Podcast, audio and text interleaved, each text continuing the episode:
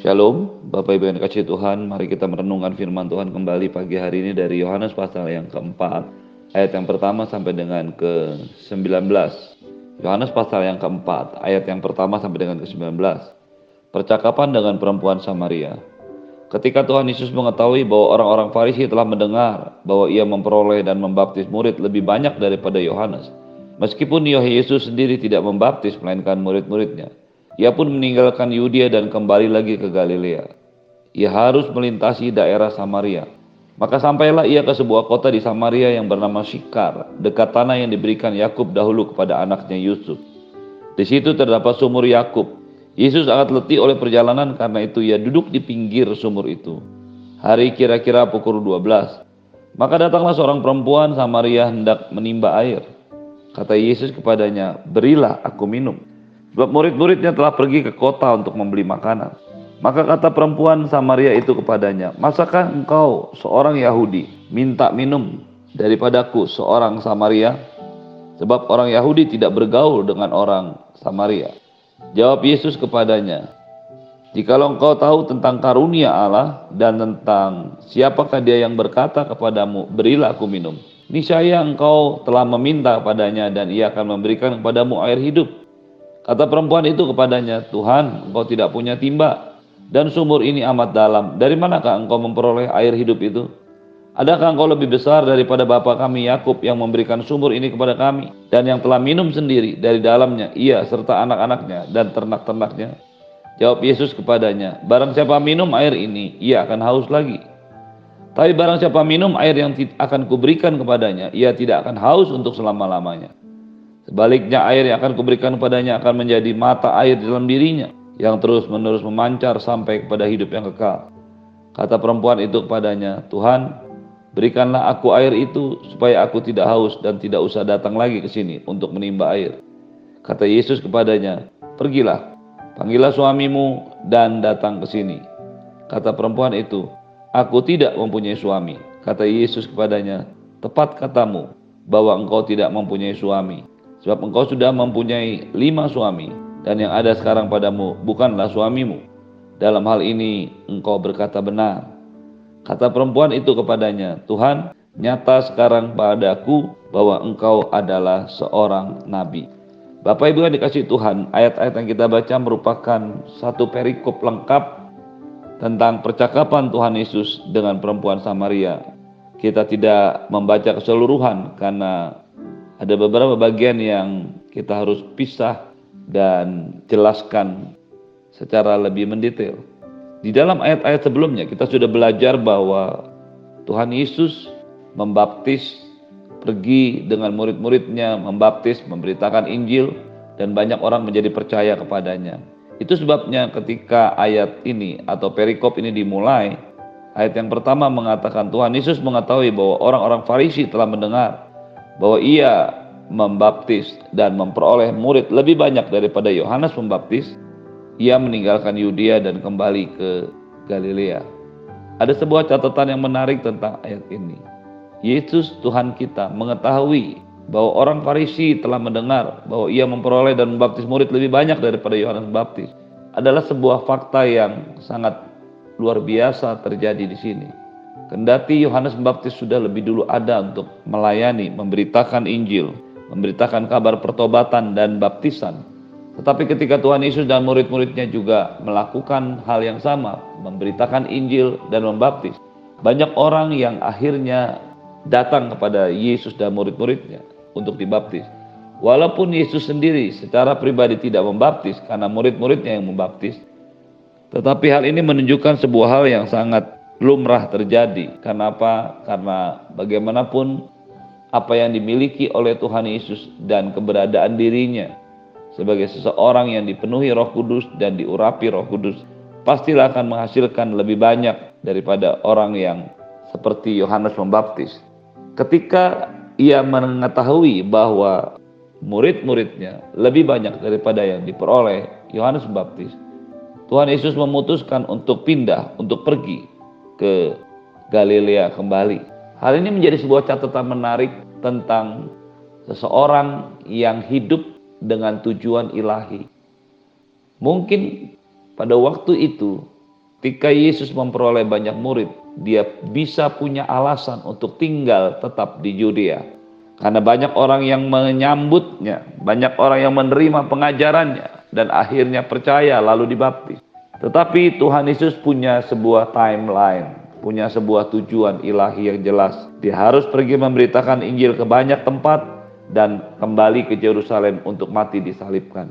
Keadaan apa pun yang dialami, yang diterima, yang dirasakan, yang didapatkan tidaklah membuat dia lupa diri, terbuai dengan keberhasilan atau kesuksesan.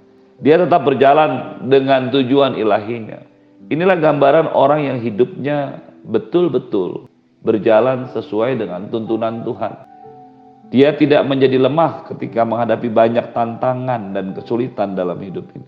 Dia tidak terbuai ketika kesuksesan atau keberhasilan mulai nampak dalam hidupannya. Fokusnya kepada rencana dan tujuan ilahi kedatangannya ke dunia ini. Dia harus pergi memberitakan Injil dan pada puncaknya dia harus mati di kayu salib di Yerusalem. Itu sebabnya dengan lega dan luang hati, dengan lepas hati, dia meninggalkan Yudea dan kembali lagi ke Galilea. Poin yang kedua, di dalam ayat yang keempat dia mengatakan Alkitab berkata ia harus melintasi daerah Samaria. Kata harus ini berasal dari bahasa Yunani dei. Kata dei diterjemahkan sebagai sebuah keharusan, tetapi juga dapat diterjemahkan sebagai sebuah keinginan atau kebutuhan. Hal ini menjadi sebuah catatan bagi kita bahwa apa sebenarnya yang mendasari Tuhan Yesus harus melewati kota atau daerah Samaria. Tetapi Alkitab berkata dia harus melintasi daerah Samaria. Beberapa penafsir mengatakan bahwa memang inilah jalan terbaik, jalan tercepat, jalan teraman dari Yudea ke Galilea. Ada beberapa jalan lain tetapi harus berputar melintasi Danau Galilea, melintasi jalan yang lebih jauh lagi. Tetapi jalan ini juga merupakan sebuah jalan yang harus dilewati berbukit-bukit dan melewati jalan yang penuh dengan pegunungan. Sehingga kalau dikatakan ia harus melintasi dam Samaria, maka hal ini bisa diartikan memang jalan itu adalah jalan yang terbaik atau memang Yesus yang memilih jalan itu karena dia merasa ada satu kebutuhan, ada satu keinginan, ada satu tugas, ada satu keharusan yang dia harus lakukan di sana. Dan kalau kita melihat apa yang terjadi di daerah Samaria ini kita tahu persis bahwa Yesus memang harus ke sana karena memang ada sesuatu yang dia harus temui yaitu perempuan Samaria. Sampailah ia di sebuah kota di Samaria yang bernama Sikar dekat tanah yang diberikan Yakub kepada anaknya Yusuf. Di situ terdapat sumur Yakub. Yesus sangat letih oleh perjalanan karena itu ia duduk di pinggir sumur. Sementara dia beristirahat, murid-muridnya telah pergi ke kota untuk memberi makanan. Poin yang ketiga yang kita dapatkan di sini adalah Yesus digambarkan sebagai seorang manusia biasa. Sebagai manusia dia bisa letih dan itulah yang terjadi dengannya.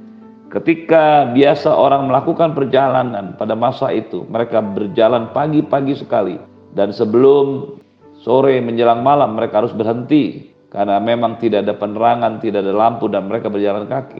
Tetapi ketika sampai pada pukul 12 dia merasa letih. Itu menunjukkan bahwa Tuhan Yesus itu adalah seorang manusia biasa, artinya 100% manusia. Dan dia tidak pernah menggunakan keilahiannya untuk membuat tugasnya menjadi ringan atau perjalanannya menjadi lebih mudah. Dia melewati tahapan demi tahapannya sebagai seorang manusia. Dia letih, dia istirahat, dia duduk, dia membeli makanan dan dia tidak menggunakan keledai atau kuda atau onta. Dia berjalan. Hal ini menunjukkan bahwa dia adalah pribadi yang betul-betul mau menjalani kehidupan sebagai seorang manusia. Tujuannya sudah pasti supaya dia bisa merasakan apa yang kita rasakan sebagai manusia. Itulah yang dituliskan oleh Paulus di dalam surat Ibrani ketika ia mengatakan ia adalah manusia yang biasa yang merasakan apa yang kita rasakan. Kita punya imam besar yang turut dapat merasakan kelemahan, turut dapat merasakan kesukaran, turut merasakan betapa tidak enaknya hidup sebagai manusia biasa. Itulah yang terjadi dengan Yesus. Ketika dia sedang duduk di pinggir sumur, datanglah seorang perempuan Samaria hendak menimba air dan Yesus meminta air kepadanya. Perempuan Samaria itu heran karena melihat ia sebagai seorang Yahudi dan berkata, Masakan engkau seorang Yahudi minta minum kepadaku seorang perempuan Samaria, seorang wanita Samaria? Orang Yahudi tidak bergaul dengan orang Samaria. Bagaimana dia bisa meminta minum? Itulah yang ada di dalam pikiran orang Samaria. Hal ini merupakan sebuah catatan sejarah yang panjang. Ketika Israel, daerah Samaria, jatuh ke tangan Raja Asyur dan orang-orang Yahudi yang ada di sana, para bangsawan, para raja, diangkut ke, ke pembuangan di Asyur. Sementara pada bagian yang lain, mereka mengangkut orang-orang yang ada di Asyur untuk ditempatkan di Samaria. Sehingga terjadi percampuran antara budaya, agama, dan orang-orang yang ada di sana. Hal inilah yang menjadikan orang Yahudi dan orang Samaria tidak pernah mau bergabung, tidak pernah mau bercampur, tidak mau pernah mau bergaul, apalagi sampai meminta minuman. Yesus mengetahui hal itu. Justru dia sedang ingin melakukan sesuatu yang membuka tabir, membuka selubung itu, mendamaikan itu semua. Dia tidak menjawab pertanyaan perempuan Samaria tentang bagaimana orang Yahudi bisa bergaul dengan seorang Samaria. Tetapi justru dia memulai pembicaraan dan berdiskusi, mengajar tentang satu perkara. Jikalau aku meminta kepadamu tentang air ini, dan jikalau engkau tahu tentang karunia Allah, dan siapa yang berkata kepadamu, berilah aku minum. Jika engkau tahu karunia Allah, dan engkau tahu aku, pastilah engkau telah meminta kepadaku dan ia akan memberikan kepadamu air hidup. Yesus sedang membawa dirinya, sedang membawa ketuhanannya kepada perempuan Samaria ini. Dan ini menjadi sebuah catatan menarik dalam setiap pemberitaan Injil yang dilakukan oleh murid-muridnya, orang percaya. Setiap orang yang mendengar pemberitaan Injil harus dibawa kepada Yesus Ketika perempuan itu berkata, Tuhan kau tidak punya timba dan sumur ini dalam, bagaimana engkau dapat memperoleh air hidup? Yesus menggunakan perkataan air hidup untuk menarik perkataan wanita tentang air minum. Apakah engkau lebih besar daripada Bapak kami Yakub? Jawab Yesus kepadanya, barang siapa minum air ini akan haus lagi. Yesus sedang berdiskusi tentang air biasa, air minum dan air hidup dia mengajarkan, dia mulai memberikan satu pengertian kepada perempuan Samaria ini tentang sesuatu yang tidak ada, tidak terlihat oleh mata jasmani, yaitu tentang sesuatu yang ilahi. Ketika ia berkata, air yang akan kuberikan kepadanya akan menjadi mata air yang terus memancar sampai kepada hidup yang kekal. Dia sedang membawa pengertian kepada perempuan Samaria ini terhadap kekekalan, kehidupan setelah kematian. Itu sebabnya perempuan itu berkata, Tuhan berikan aku air supaya aku tidak haus-haus dan tidak usah menimba.